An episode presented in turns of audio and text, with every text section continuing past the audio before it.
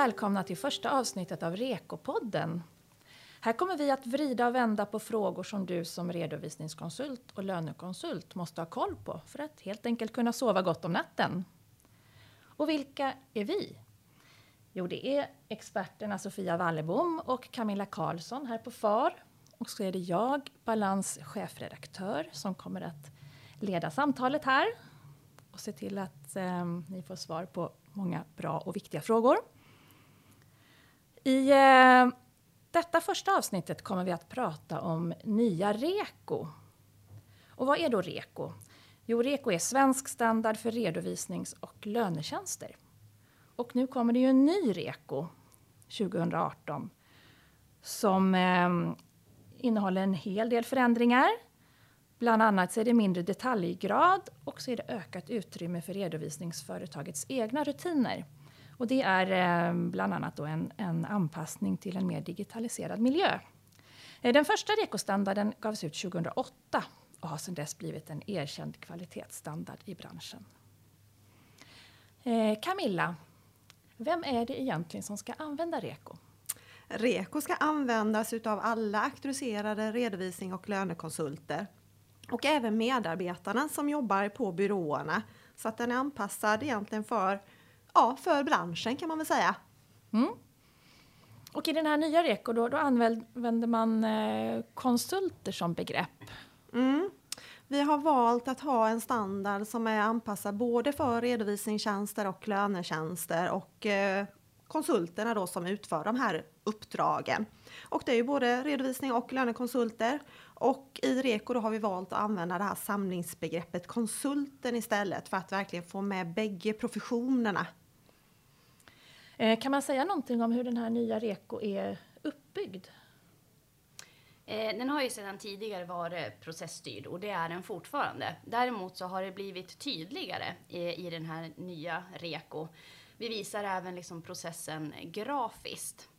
Det är ju så att hela processen omsluts egentligen utav redovisningsföretagets organisation. Och innanför den så ligger den löpande processen som följer liksom kundens räkenskapsår.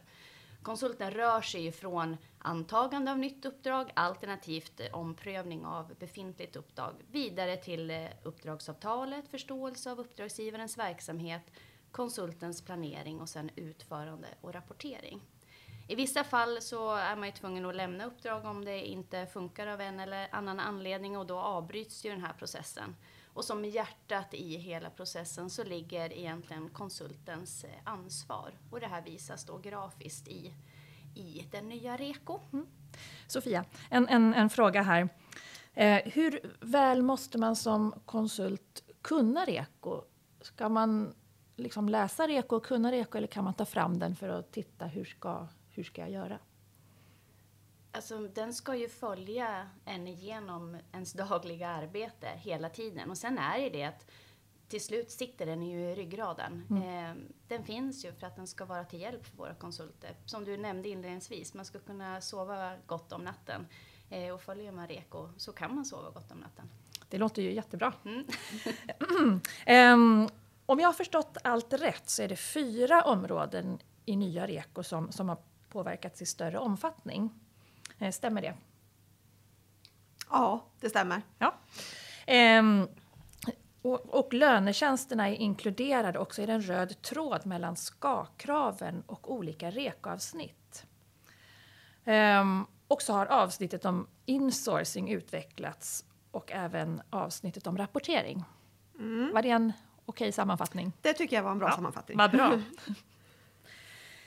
um, kan du nämna någonting om den röda tråden, Camilla? Mm, det kan jag göra. Vi har försökt att få en betydligt tydligare koppling mellan ska-kraven och de olika rekavsnitten så att man lätt ska förstå sambandet med ska-kraven. Ska-kraven är ju i ramverket. Vi har nio stycken ska-krav där och sen har vi olika rekavsnitt. Men vi har även valt i den här nya utgåvan att ha ska-kraven kopplat direkt till kapitlen också. Så att man verkligen ska förstå vilka rekor det är som hänger ihop med respektive ska-krav. Um, men eh, vad sa du, hur många ska-krav finns det nu? Nio stycken ska-krav har vi nu. Ja. Eh, kan ju ge ett exempel faktiskt på det första kapitlet som vi har. Det är ju konsultens ansvar. Och där har vi ett ska-krav då som lyder en konsult ska följa god yrkessed uttryckt genom REKO och FARs yrkesetiska regler. Sen har vi efterföljande REKO-avsnitt där, som till exempel konsultens roll och uppgift, konsultens tystnadsplikt, skyldighet att tillämpa, tillämpa lagar och regler och konsultens dokumentation. Så där ser ni just den här tydliga kopplingen mellan ska-kravet på konsultens ansvar och efterföljande REKO. Mm.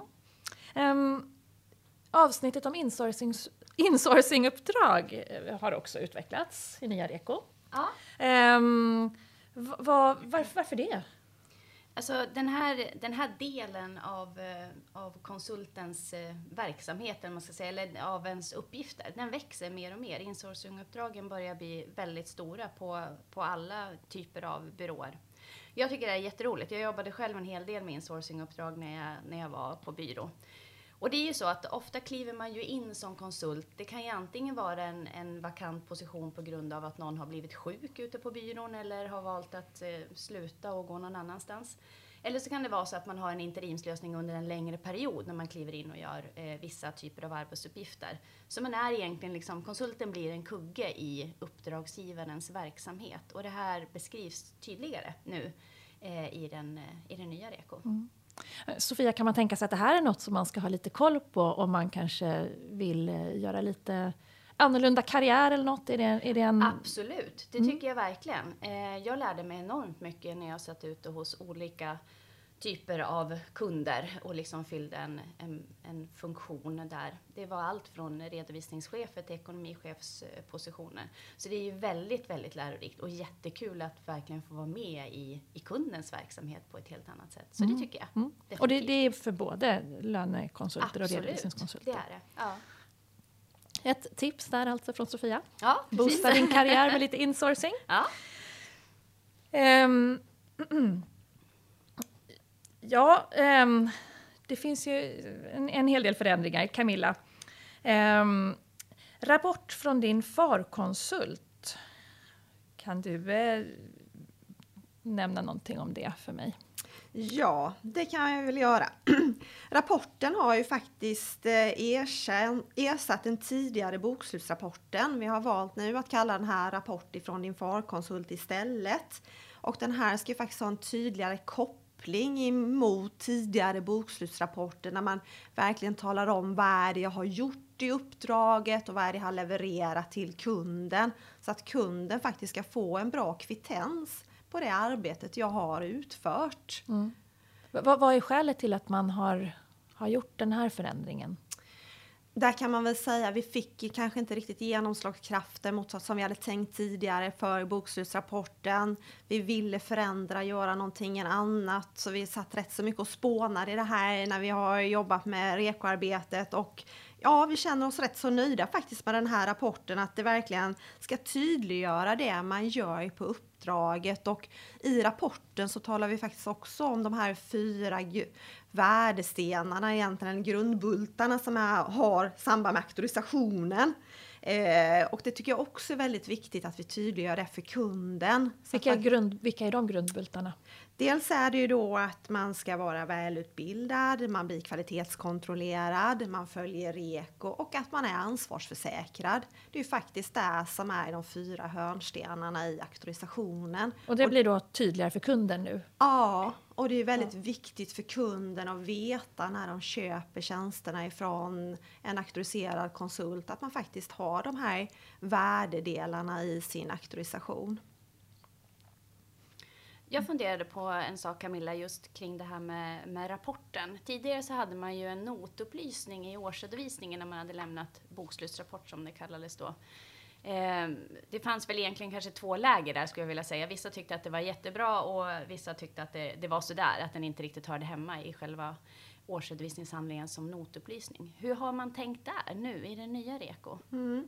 Ja det stämmer det. Det var rätt mycket diskussioner där hur man skulle hantera de här bitarna där och eh, här har vi faktiskt kommit fram till en helt annan lösning. Eh, vi frontar konsulten ännu mer här vill vi att eh, konsulten ska upplysa styrelsen om att de kan ha möjlighet att skriva det här redan i förvaltningsberättelsen under allmänt om verksamheten. Att man där upplyser om att en auktoriserad konsult eh, har biträtt med eh, de tjänsterna som man har utfört på uppdraget.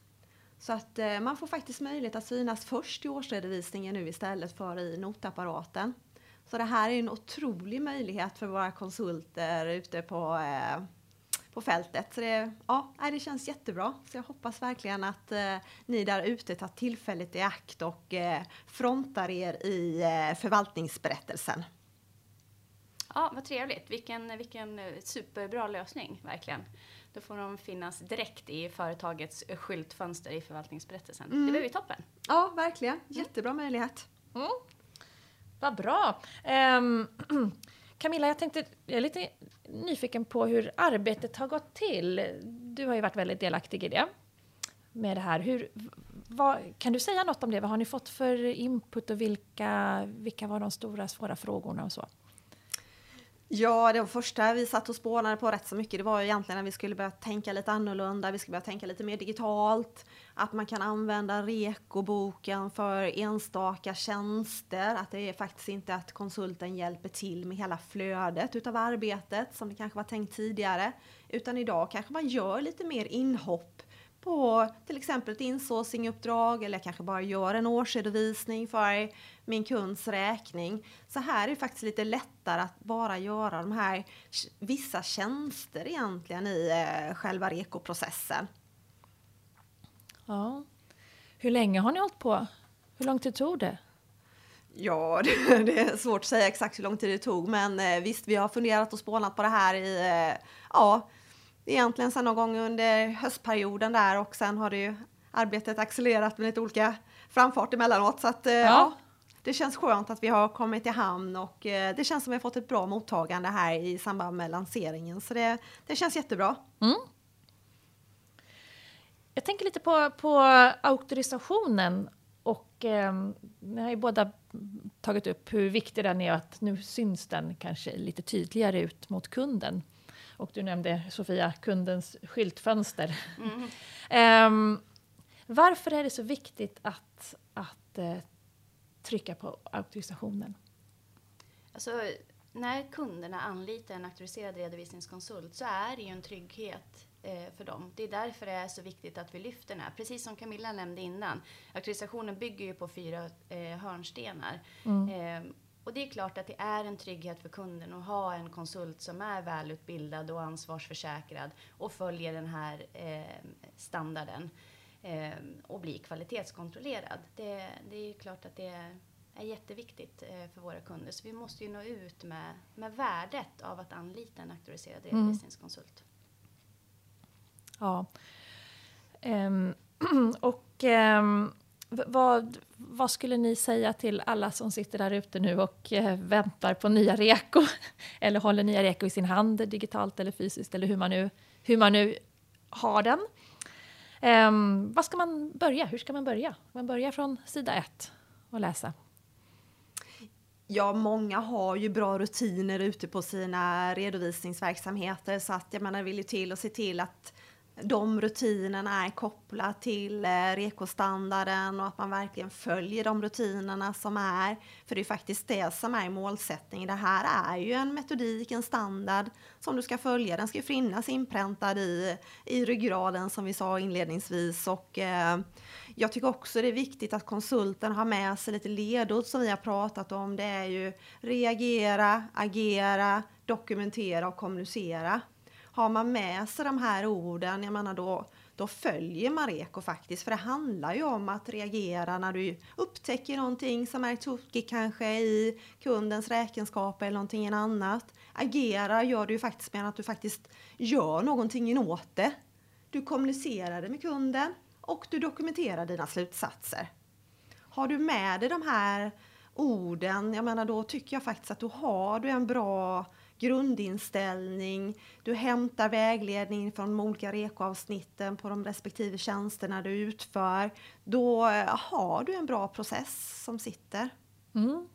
Så reagera, agera, kommunicera, Dokumentera. dokumentera. De fyra sakerna ska man alltså komma ihåg. Bra.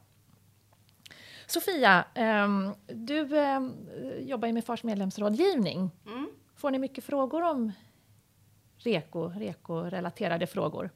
Jo, men det får vi absolut. Eh, och jag kan tänka mig att det kanske kommer än mer frågor eh, nu när vi släpper en, en ny REKO.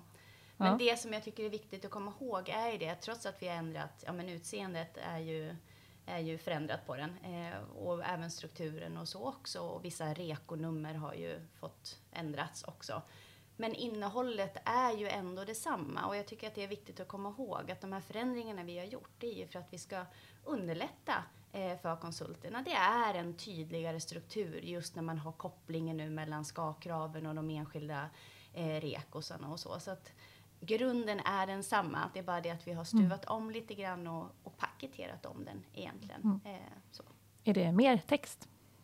Nej, eh, det är det inte. Nej, Nej. Så inte mer att läsa. Nej, det är snarare lite mindre. Ja, vi- vad, tror du, eller vad tror ni kommer bli de, de frågorna man kommer fråga mest om? Jag kan tänka mig lite det här rapporten från väsentliga händelser har vi inte riktigt berört här heller idag. Nej. Eh, det är ingen rolig rapport att göra men eh, trots allt så hamnar ju konsulten där. Vad menar du att det inte är någon rolig rapport att göra? Nej, det är ju faktiskt att är det någonting som har hänt, till exempel att kundens kapital är förbrukat, ja då ska man ju faktiskt skriva den här rapporten av väsentliga händelser till kunden och tala om vad det är som gäller enligt aktiebolagslagen. Mm. Så att kunden har kännedom om detta och vad de måste göra för att inte hamna i den här situationen. De kanske måste upprätta en kontrollbalansräkning eller någonting annat. Mm. Och där har vi också tagit lite kopplingen emellan den här rapporten ifrån din farkonsult som vi pratade om tidigare. Har man lämnat en rapport om väsentliga händelser under året, då ska det framgå även i rapporten så att man får en tydlighet där också. Så att vi får återigen den här tydliga kopplingen. Vad är det som har hänt i uppdraget och Ja. under året? Och vad är då skillnaden mot gamla REKO?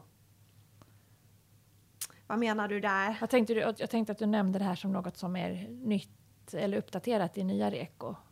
Men det kanske det inte var kanske var jag som missuppfattade dig. Nej, rapport av väsentliga händelser har vi Ja. haft tidigare Ja. också, men vi kanske har lyft den lite, gjort också den lite mer tydligare när man ska rapportera och lite hur man ska tänka där också, lite utav, efter de här orden som vi sa innan. Reagera, agera, dokumentera och kommunicera. Vi har ändrat lite tågordningen där egentligen kan man väl säga. ja. Så, så ingen förändring egentligen, men ett förtydligande. Ja. Ja. ja bra. Några andra frågor som ni tror kommer komma? Ja, men jag kan tänka mig att det kommer mycket från, omkring just rapport från din farkonsult också eftersom det Mm. är en, en eh, ny rapport. Ja. Ehm, men ehm, ja, nej, men det kan jag väl tänka mig. Samtidigt så kan jag tycka också att det är roligt om vi får frågor för man kan få prata kring det. För det är ju lite grann också att man konsulten får ett tillfälle att liksom knyta ihop säcken och titta lite grann. Vad har jag hjälpt min kund med för tjänster? Kan jag kanske addera på någonting till nästa år? Har jag gjort det som står i uppdragsavtalet? Och, så att ehm, det känns bara roligt om vi får frågor kring den så man får, får tillfälle att diskutera det med våra medlemmar. Mm. Hör ni det alla som lyssnar? Eh, kontakta Fars medlemsrådgivning om ni har några frågor om nya REKO. Spännande! Det ska bli spännande att se vad det kommer för frågor. Kanske vi kan följa upp dem i något kommande avsnitt Absolut. av REKO-podden. Ehm, är det något ni tänker är viktigt att, som vi inte har berört att veta där ute när man ska ta sig an nya REKO? Nu blev det tyst här. Ja, vi tänker. Nej, det är väl att man bara ska ta tag i det på en gång tycker jag och verkligen sätta fokus på eh, byrårutiner. Vi sa ju inledningsvis där också att eh, byrårutinerna tycker vi är väldigt, väldigt viktiga. Mm. Eh, och det är de och de blir ju allt viktigare i vår digitaliserade miljö så att eh, det är ju superviktigt att man har dem på pränt och att man verkligen följer de rutinerna som är satta i redovisningsverksamheten. Eh, Så att där tycker jag är definitivt man bör se över dem och ha dem som ett levande dokument hela tiden. Mm. För att alla medarbetare ska känna sig trygga. Ja. Det är ju superviktigt. Finns det något som man ska vara lite vaksam på? Och det behöver kanske inte vara något med nya reko, men finns det någonting där man där det finns fallgropar? Förstår ni vad jag menar? Så inte egentligen fallgropar, men det som Camilla nämnde tidigare här med rapport av väsentliga händelser. Mm. Det är ju så att konsulten är ju ofta den som har den löpande kontakten med kunden och som faktiskt först kan upptäcka att det är någonting, typ förbrukat eget kapital eller någonting annat. Ja. Um, så att man, um, man bär med sig det i sitt arbete, att man är Alltså att konsulten är lite vaksam över eh, vissa indikationer. Eh, så kan jag tycka. Mm. Mm. Mm. Ja. Ja, men eh, det finns en hel del spännande här i Nya Reko som säkert kommer att leda till fler ehm, eh, ämnen för Rekopodden och vi hoppas att ni fortsätter att lyssna. Tack alla som har lyssnat och stort tack till eh, Sofia och Camilla. Och som sagt, hör gärna av er till Fars medlemsrådgivning om ni har frågor. Så svarar Camilla och Sofia eller någon annan. Tack så mycket!